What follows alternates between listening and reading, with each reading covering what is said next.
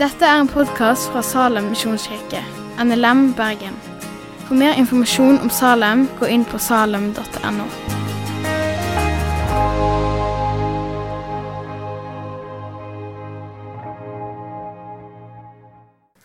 I dag skal vi snakke litt om Jakob.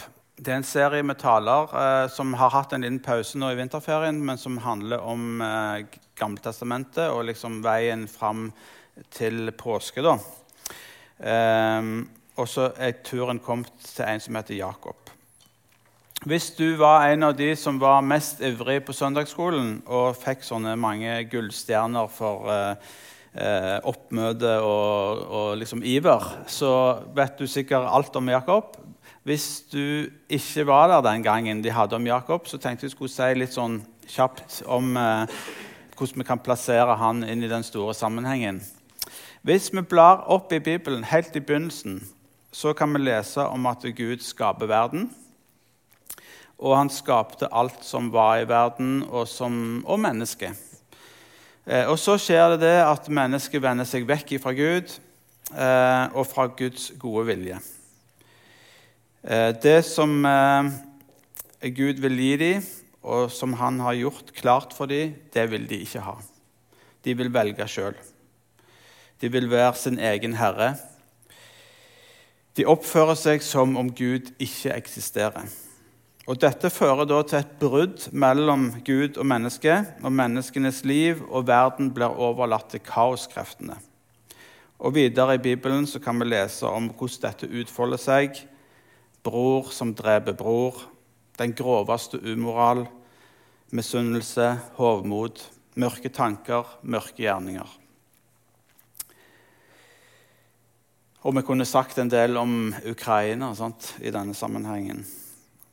Det skal jeg ikke gjøre nå. Men midt i denne undergangen som mennesker har valgt for seg sjøl, midt i verdenshistoriens bunnpunkt, så lover Gud at en gang så skal han sende en fra kvinnens ett som skal knuse slangens hode. Han skal knuse selve roten eh, til denne ondskapen som mennesket har valgt. Men når han knuser slangens hode, så skal slangen bite han i hælen, sånn at han dør i forsøket. Det er den første profetien og lovnaden om den frelseren som skal komme. Og hvor skal så denne frelseren komme? Det er en historie som er så utrolig at denne tanken har ikke opprundet i menneskets hjerte. Eller sagt på en annen måte det er en historie som er så usannsynlig at mennesket ikke kunne ha funnet på det sjøl. Planen er altså at det er Gud sjøl som skal komme til jorda. Han skal bli født inn i en familie, han skal bli født inn i en slekt og inn i et folk som Gud har valgt seg ut. Og hvem skal dette folket være? Jo, Gud kaller en mann som heter Abraham og som kommer fra omtrent der som Irak er i dag, og ber han om å reise til et land som ligger liksom helt innerst der i Middelhavet. Og Der vil Gud gi han ei slekt, og han vil gi ham et land. Og gjennom Abraham og hans slekt så skal hele verden velsignes, og oss. For i denne slekta skal verdens frelser bli født. En ganske utrolig historie. Men Abraham er en gammel mann og hvordan skal dette nå gå til? Etter mye om og men så får Abraham en sønn. Han heter Isak. Og Isak får to tvillinger, Esau og Jakob. Og nå er vi kommet til dagens hovedperson, Jakob. Så eh, er det sånn at eh, mor til Jakob hun heter Rebekka. Og hun eh, var barnløs. Og så står det her at Isak ba til Herren for sin kone, for hun var barnløs. Herren bønnhørte ham, og Rebekka, hans kone, ble med barn. Men da barna sloss med hverandre inni henne, sa hun, 'Hvorfor hender det meg noe slik?' og hun gikk for å søke råd hos Herren. Og Herren sa til henne, to folkeslag er i ditt mors liv. To folk skal skilles før de blir født. Den ene blir sterkere enn den andre. Den eldste skal tjene den yngste. Jakobs liv er en lang fight. Han fighter hvem det skulle være for å grafse til seg det som han mener er hans. Når vi legger hendene eller kinnet på en gravid mage, så kan vi kjenne at det beveger seg der inne. Rebekka kjenner at det ikke bare er noe som beveger seg der inne, men det er full slåsskamp inni hennes eget morsliv. Allerede her har Jakob starta slåsskampen med sin bror. I de første kapitlene i Bibelen så møter vi stadig på konflikter mellom brødre. Den første historien er kanskje den mest tragiske. Det er historien om Kain og Abel. Om en bror som blir misunnelig på den andre, og det ender med et broderdrap. For en tragedie.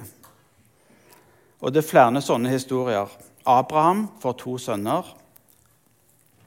Ishmael og Isak. Eh, her blir det så vanskelig at Ishmael han må reise bort. Og så er det Jakob og Esau.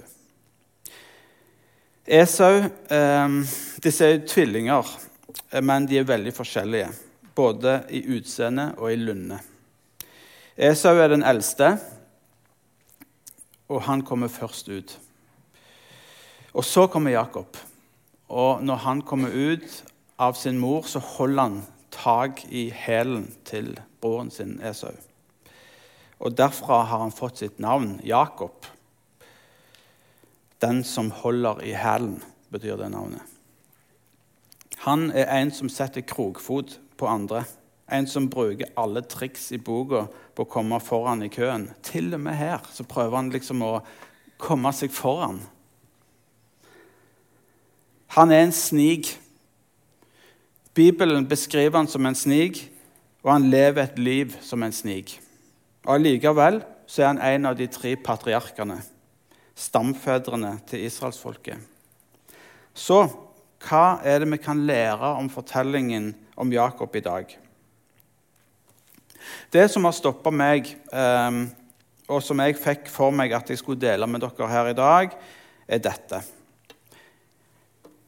Gud har valgt seg ut Jakob. Han vil velsigne ham. Men Jakob bruker hele sitt liv på å lure og trikse og slåss for å få det som Gud likevel vil gi ham.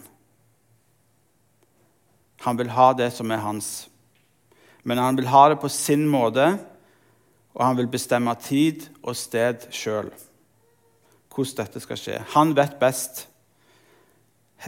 Her er han helt på linje med de første menneskene på jorda. De ville òg ha det på sin måte. De ville styre skuta sjøl. De ville grafse til seg et velsigna liv som Gud allerede hadde gjort klart for dem. Kanskje er dette noe som kan resonnere inn i våre liv.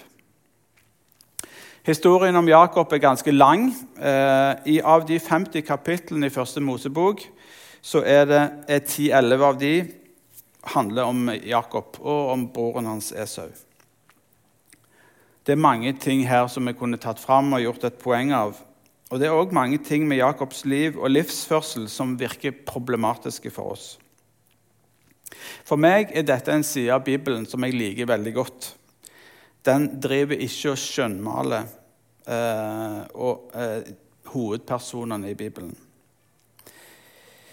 Det virker ikke som det har vært en redaktør her som har gått inn og sagt at Jakob han er en så problematisk figur at han må liksom, han, her, denne historien må sminkes. Um, Bibelen gir ikke inntrykk av å være en oppkonstruert bok og en oppkonstruert historie da ville sånne folk som Jakob aldri blitt skrevet inn i denne historien. Jakob er en mann med store brister i sin personlighet, men likevel så blir han utvalgt. utrusta og velsigna av Gud. Gud bruker mennesker som ikke er perfekte, og det er en serie av disse i Bibelen. Og Jakob kanskje et av de tydeligste eksemplene. Eh, det gir meg trygghet og tillit til at Gud kan bruke meg, og han kan bruke oss i all vår ufullkommenhet. Spørsmålet er hvor viktig er egentlig disse historiene fra Det gamle testamentet for oss i dag? Det beskriver tross alt et sånn beduinsamfunn for 4000 år siden. Og så skal vi sitte her i Bergen og liksom snakke om det i dag. Hvor er relevansen for mitt og våre liv? Jeg tenker at vi må bruke disse gammeltestamentlige skriftene sånn som Jesus brukte de gammeltestamentlige skriftene. Han kjente skriftene inn og ut og han forsto at de dypest sett handla om han. Og Det er sånn han refererer til historier, personer og hendelser i Gammeltestamentet.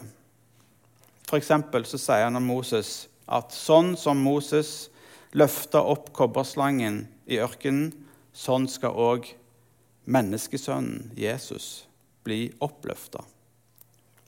Jesus kobler seg på denne fortellingen som dere sikkert kjenner om israelsfolket som får leiren sin invadert av giftige slanger.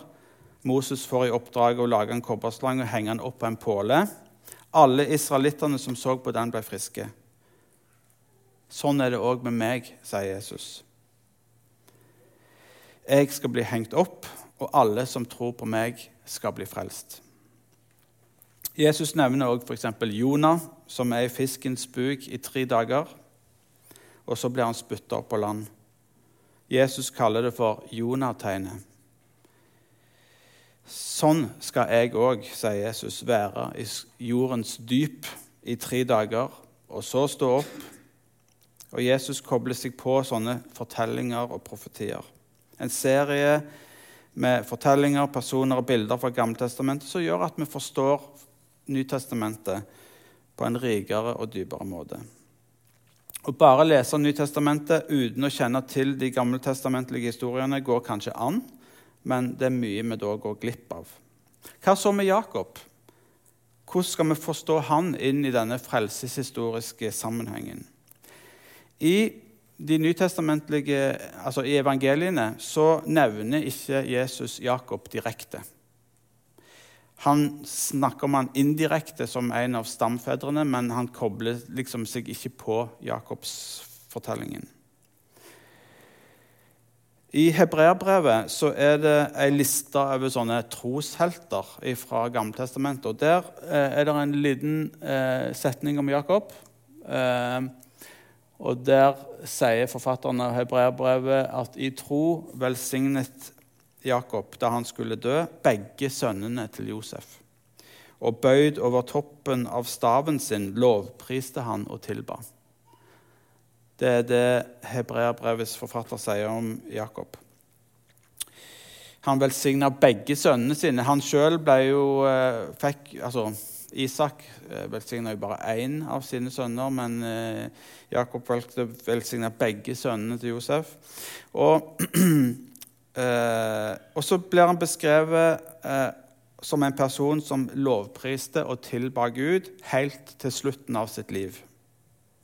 Bøyd over toppen av staven sin lovpriste han og tilba. Um, en som holdt seg nær til Gud helt til det bitter end. Um, så før Jakob eh, er født, så er det åpenbart for sånn som vi så i den første teksten, så er det åpenbart for mora Rebekka at det er den andre sønnen, Jakob, som skal få velsignelsen.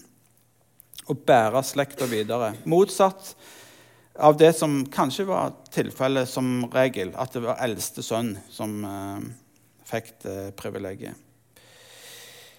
Hvorfor er det sånn at det skulle være den andre sønnen? Jakob kan vi gjerne spekulere på. Vi ser at det kanskje er et mønster som går litt igjen. Isak eh, var den andre sønnen til Abraham. Josef var ikke den eldste sønnen til Jakob. David var heller ikke den eldste sønnen i sin søskenflokk. Kanskje er det for å si noe om at Gud velger seg ut den som var skikka til oppgaven. Det nytter ikke bare å være eldst, vi må òg ha et hjerte som er vendt mot Gud. Jeg spekulerer her. Ehm, jeg har òg lest teologer som eh, mener at det kan være et bilde på Jesus. At Jesus var den andre sønnen. Eh, Adam var den første sønnen.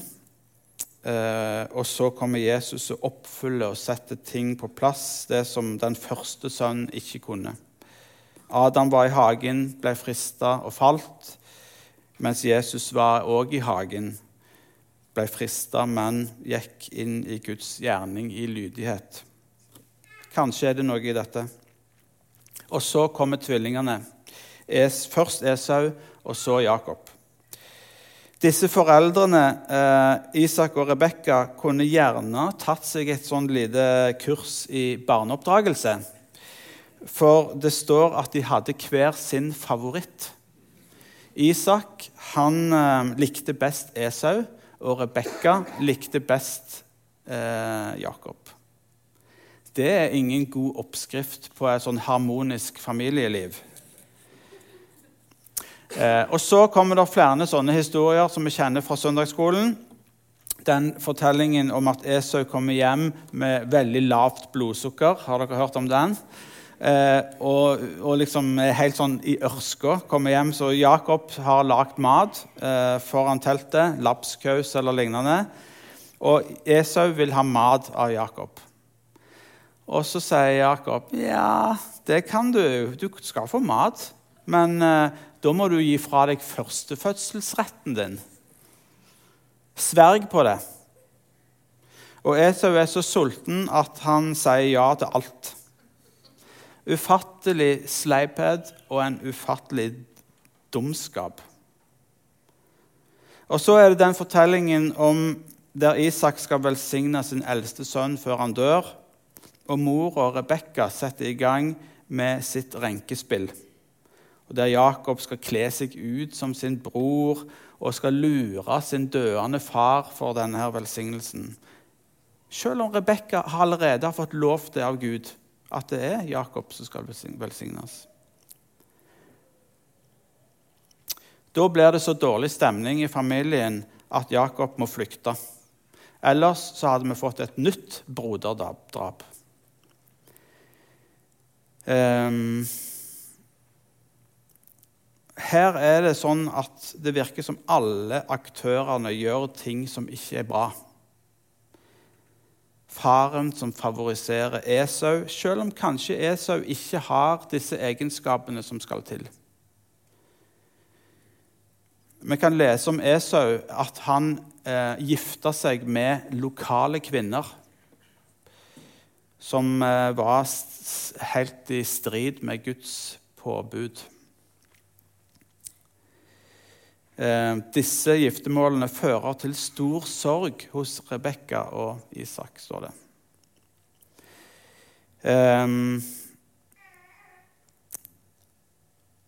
Esau, som behandler sin posisjon som førstefødt så lettsindig at han forhandler den vekk for et måltid mat. Og Rebekka, som har fått en lovnad fra Gud om at Jakob skal bli den nye stamfaren, som allikevel lurer og legger planer og gjør ting på sin egen måte for å sette sin favorittsønn i posisjon. Og så Jakob sjøl, som er en lurendreier fra begynnelse til slutt. En bror som griper sin bror i hælen. Likevel, likevel på tross av alle disse menneskelige innfallene så går det sånn som Gud hadde planlagt det. Men kostnadene er høye. Det er en familie som går i stykker. Rebekka får aldri se sin favorittsønn igjen. Jakob han reiser av gårde til en slektning som heter Laban. og Her driver han òg på. Han ender opp med å gifte seg med to søstre. Og I tillegg så får han barn med flere slavekvinner. Og Vi diskuterer jo en del samlivsetikk i våre dager. Men her er det jo en samlivsetikk som er helt borti alle staur og vegger. På et tidspunkt så bestemmer Jakob seg for å reise tilbake for å forsøke å forsone seg med sin bror Esau. På vei tilbake så skjer det en helt spesiell hendelse, og den tenkte jeg den må vi se bitte litt på, selv om vi nærmer oss slutten her. Um, det står i, i første Mosebok 32. Jakob var alene tilbake. Og en mann kjempet med ham helt til det grudde av dag. Da mannen så at han ikke kunne vinne over ham, ga han Jakob et slag over hofteskålen, så hoften gikk ut av ledd mens de kjempet. Og han sa, 'Slipp meg, for morgenen gryr.' Men Jakob svarte, 'Jeg slipper deg ikke uten at du velsigner meg.' 'Hva heter du?' spurte mannen. 'Jakob', svarte han. Da sa mannen, 'Du skal ikke lenger hete Jakob. Israel skal være navnet ditt.' 'For du har kjempet med Gud og mennesker og vunnet.' Da ba Jakob, 'Si meg navnet ditt.' Han svarte, 'Hvorfor spør du om navnet mitt?' Og han velsignet ham der. Jakob kalte stedet Peniel, for jeg har sett, for har sett Gud ansikt til ansikt og enda berget livet. Hvem er det Jakob kjemper med? Jo, det er Gud. Eller en representant for Gud. Jakob sier at han har sett Gud ansikt til ansikt. Jakob er så gira på velsignelse fra Gud at han faller inn i den eneste melodien han kan. Han vil slåss til han får det som han mener at han skal ha. Hvordan er det der uttrykket? Hvis alt du har, er en hammer, da ser alle problemene ut som en spiker. Sånn er det med Jakob. Han tror han må slåss for alle ting. Og det går så langt her at han går i ringen med Gud. Og Jakob holder grepet fast rundt denne mannen og sier, 'Jeg slipper deg ikke før du har velsigna meg.' Sånn møtte Gud òg Jakob på hjemmebane. Og han gir òg Jakob honnør for kampen. Du har kjempa med Gud og mennesker og vunnet. Og så får Jakob den velsignelsen som han har jakta på hele sitt liv. Så poenget med dette er ikke dypere enn som så. Men det ligger en klar oppfordring til oss her. Gud har lagt foran oss velsignelser, oppgaver, tjenester og mennesker. Det står at han har lagt foran oss ferdiglagte gjerninger som vi skal få vandre i. Tenk hvis vi bare kunne få gjort det. Vandre i de ferdiglagte gjerningene som Gud har lagt foran oss. Tenk hvis Jakob i starten på sitt liv kunne hatt en trygghet og en fred for at han skulle få vandre i Guds ferdiglagte gjerninger. Jeg tror han hadde fått et bedre liv. Jesus er òg opptatt av dette. At vi ikke skal presse oss fram på bekostning av andre. Ikke ta oss til rette. At vi skal få be om ikke som jeg vil, men som du vil. At vi skal få legge våre liv i hans hender. At vi skal få stole på at planer for mitt liv som Gud har, er bedre enn de planene som jeg legger sjøl. At vi gjennom å miste vårt liv skal få finne det. At vi skal få være ei grein på det store treet. Jeg er treet, og dere er greinene, sier Jesus. Det sier oss noe om hvordan han vil at hans forhold skal være til oss. Påkobla, men avhengige. Tjenere for hverandre, ikke hersere. Ikke herser med andre mennesker. Søk Guds rike først, sier Jesus, så kom alt dette andre i tillegg.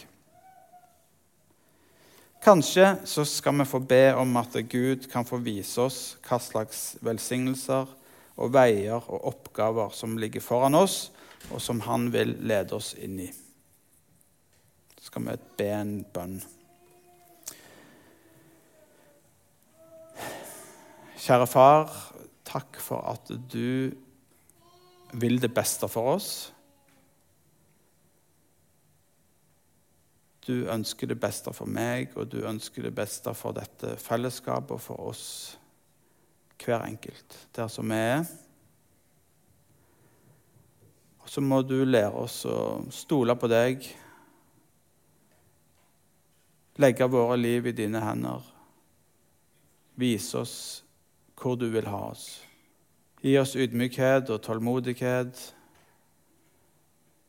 til å vente på deg hver dag. Amen. Takk for at du har hørt på podkasten fra Salem, Bergen.